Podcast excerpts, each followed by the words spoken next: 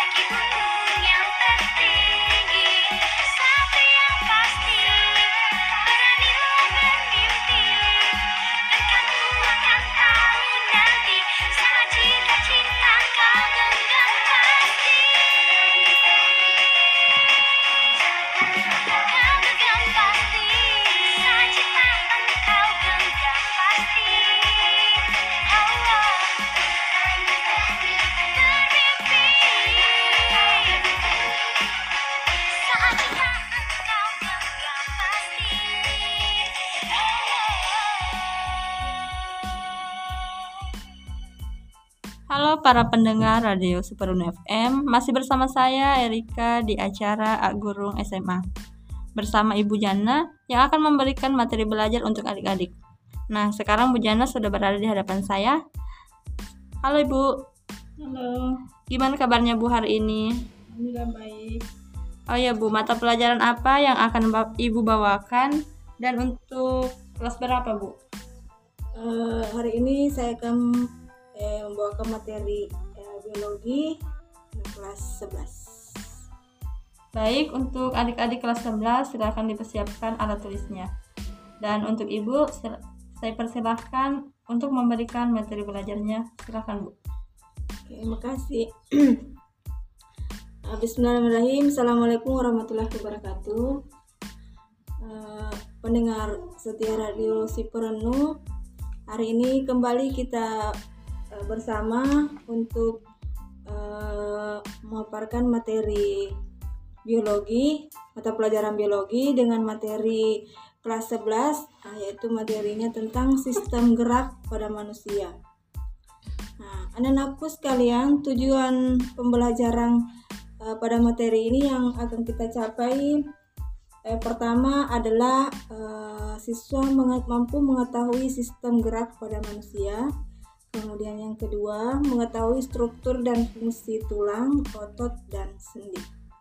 Jadi pada materi hari ini uh, itu tujuan pembelajaran yang uh, kita mau capai. Langsung kita masuk pada materi inti. Sistem gerak pada manusia merupakan satu kesatuan organ yang bekerja sama untuk mendukung tubuh manusia melakukan suatu gerakan. Sistem gerak pada manusia terdiri dari otot, tulang atau rangka dan sendi. Tulang atau rangka. Nah, tulang adalah satu alat gerak tubuh yang dibentuk oleh unsur kalsium dan bentuk garam yang direkatkan oleh kolagen. Tulang termasuk alat gerak pasif, artinya tulang digerakkan oleh otot yang merupakan alat gerak aktif. Tulang sendiri tidak hanya berfungsi sebagai alat gerak, tulang juga menjadi komponen yang sangat penting dalam menyangga tubuh sekaligus melindungi organ-organ vital manusia. Gerak dalam kehidupan struktur tulang adalah sebagai berikut. Protesium uh, adalah lapisan terluar atau membran yang menutupi tulang. Membran ini mempunyai peran penting dalam pertumbuhan maupun perbaikan tulang. Kita masuk yang selanjutnya adalah jenis-jenis tulang. Tulang dalam tubuh manusia dibedakan menjadi dua, yaitu tulang rawang dan tulang keras.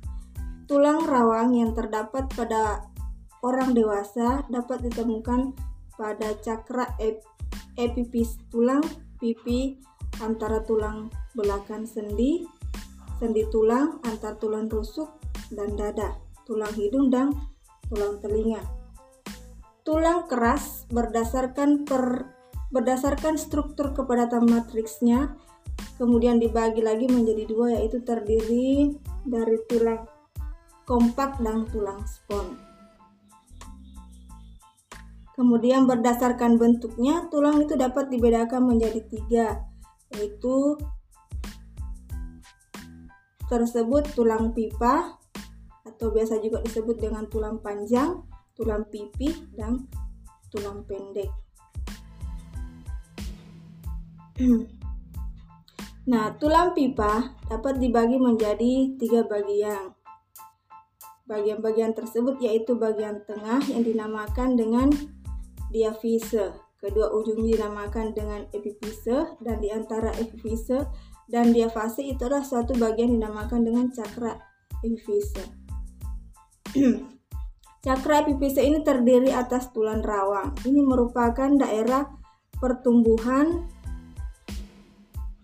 memanjang dan pada tulang sehingga dapat menyebabkan pertambahan tinggi pada manusia.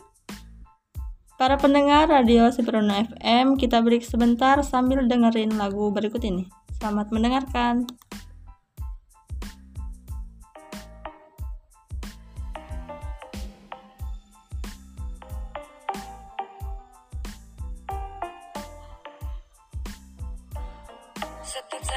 Kalau kalah jangan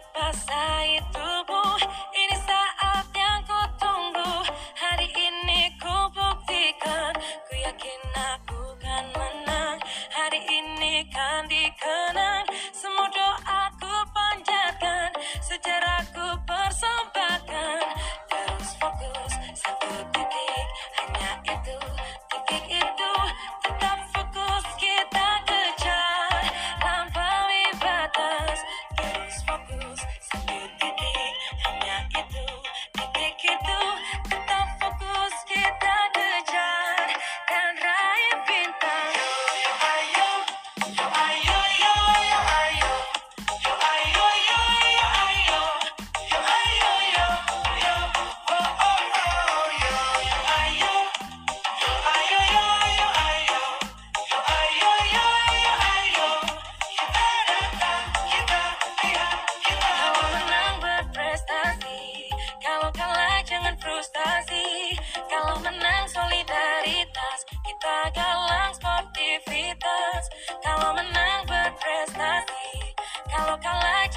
busca así.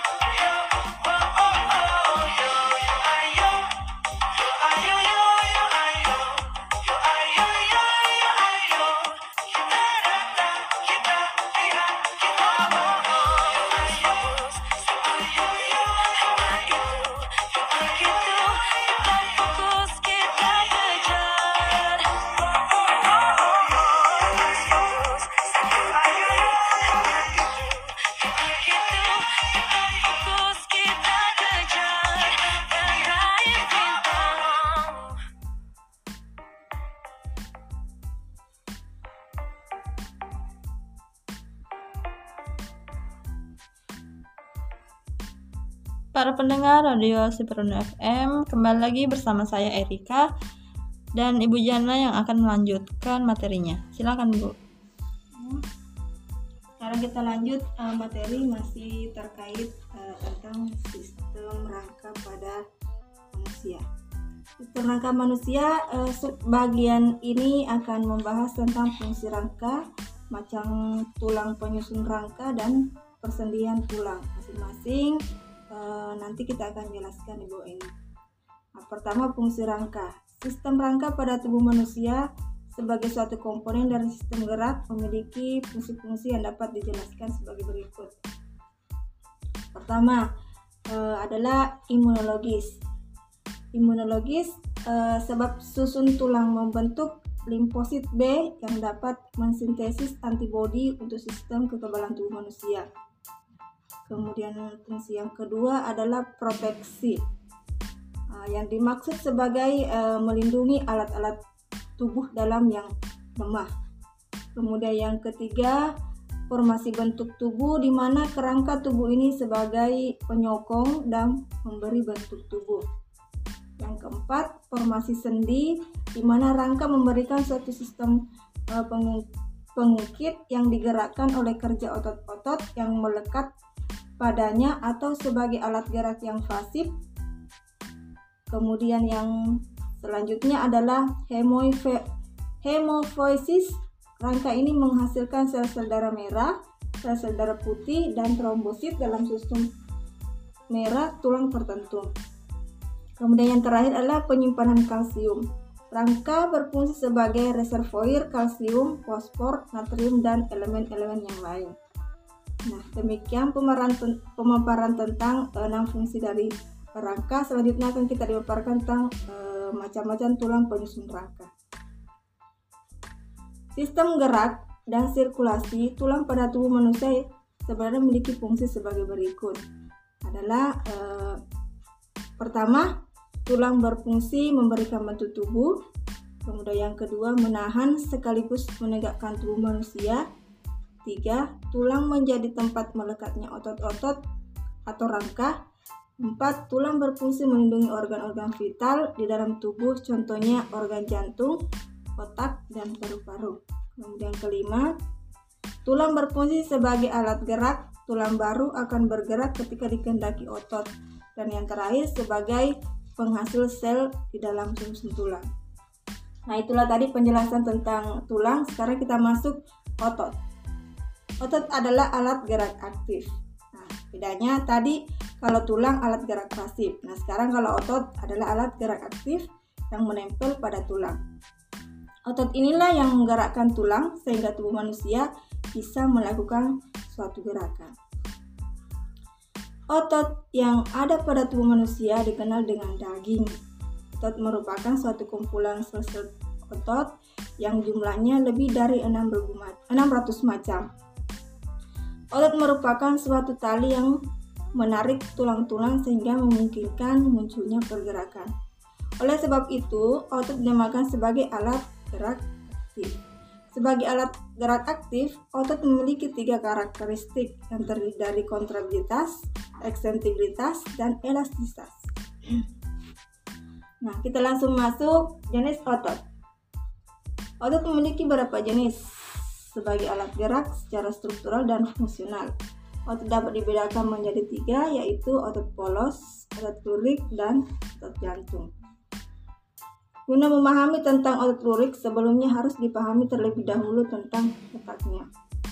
Otot lurik ini terletak menempel pada rangka sehingga sering dinamakan dengan otot rangka.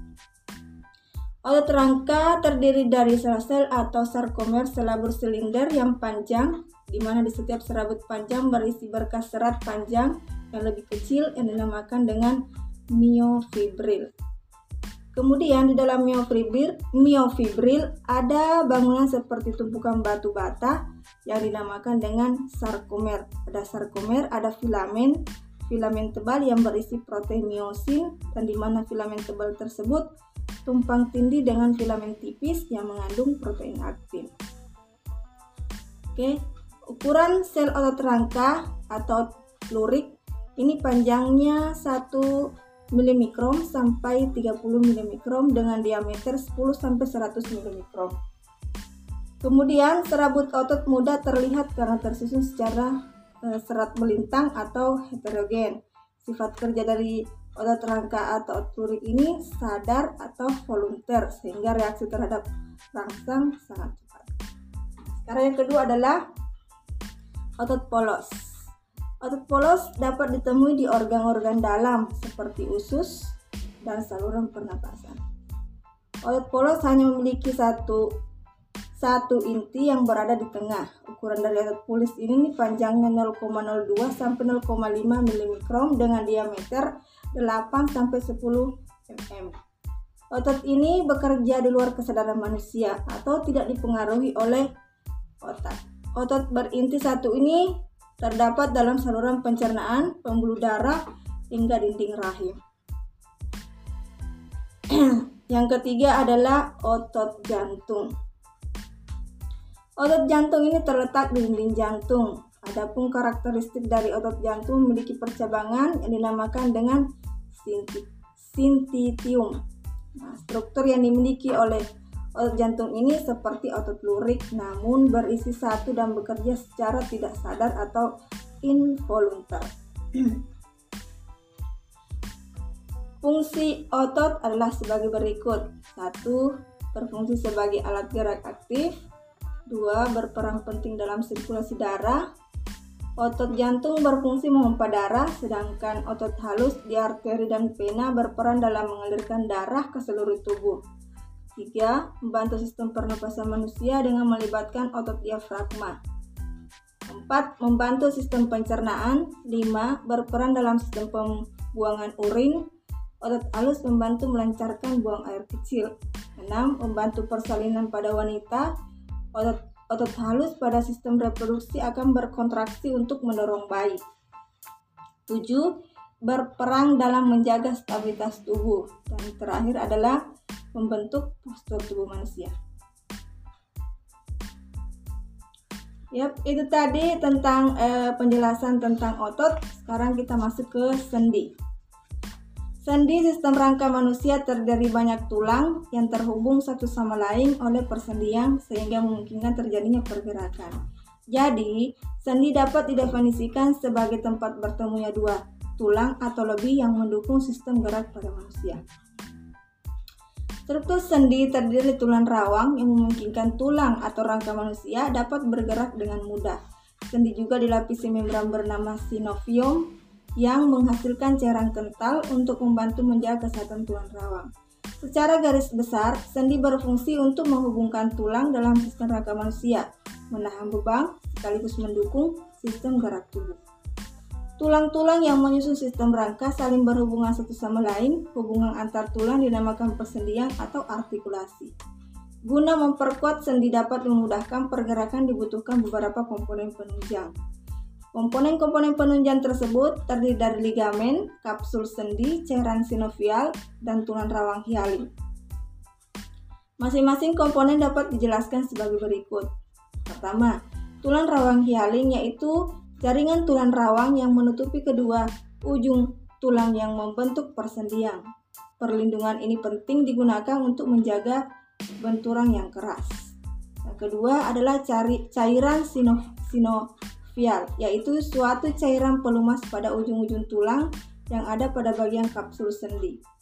Yang ketiga adalah ligamen, yaitu jaringan ikat yang berguna untuk mengikat bagian luar ujung tulang yang membentuk persendian, kemudian mencegah berubahnya posisi tulang atau dislokasi.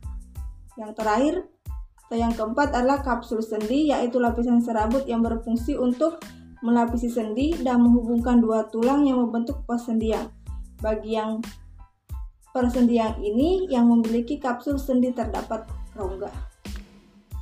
Hmm, baik, uh, saya rasa uh, cukup untuk hari ini uh, materi tentang sistem gerak pada manusia. Mudah-mudahan apa yang kita pelajari hari ini bermanfaat. Lebih dan kurangnya saya mohon maaf. Assalamualaikum warahmatullahi wabarakatuh. Halo para pendengar Radio Siperono FM, itulah tadi materi yang telah dibawakan oleh Bu Jana. Semoga adik-adik bisa mempelajari kembali materi yang telah diberikan. Terima kasih Bu telah memberikan materi pada hari ini. Para pendengar setia Radio Seperun FM, di mana pun Anda berada, saya ingatkan untuk tetap ikuti protokol kesehatan dengan mencuci tangan menggunakan sabun, memakai masker, dan selalu menjaga jarak. Saya Erika, pamit undur diri. Mohon maaf apabila ada salah-salah kata. Assalamualaikum warahmatullahi wabarakatuh.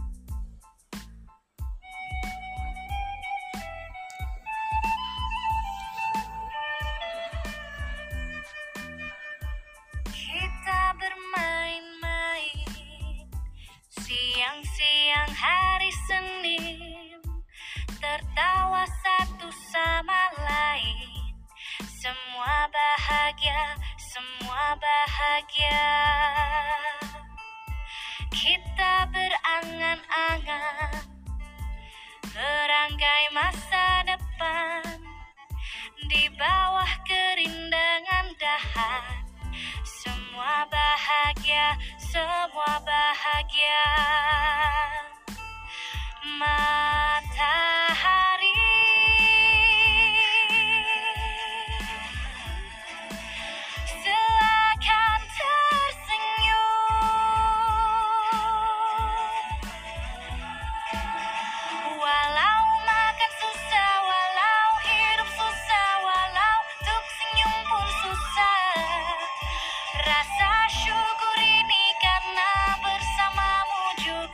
Susah di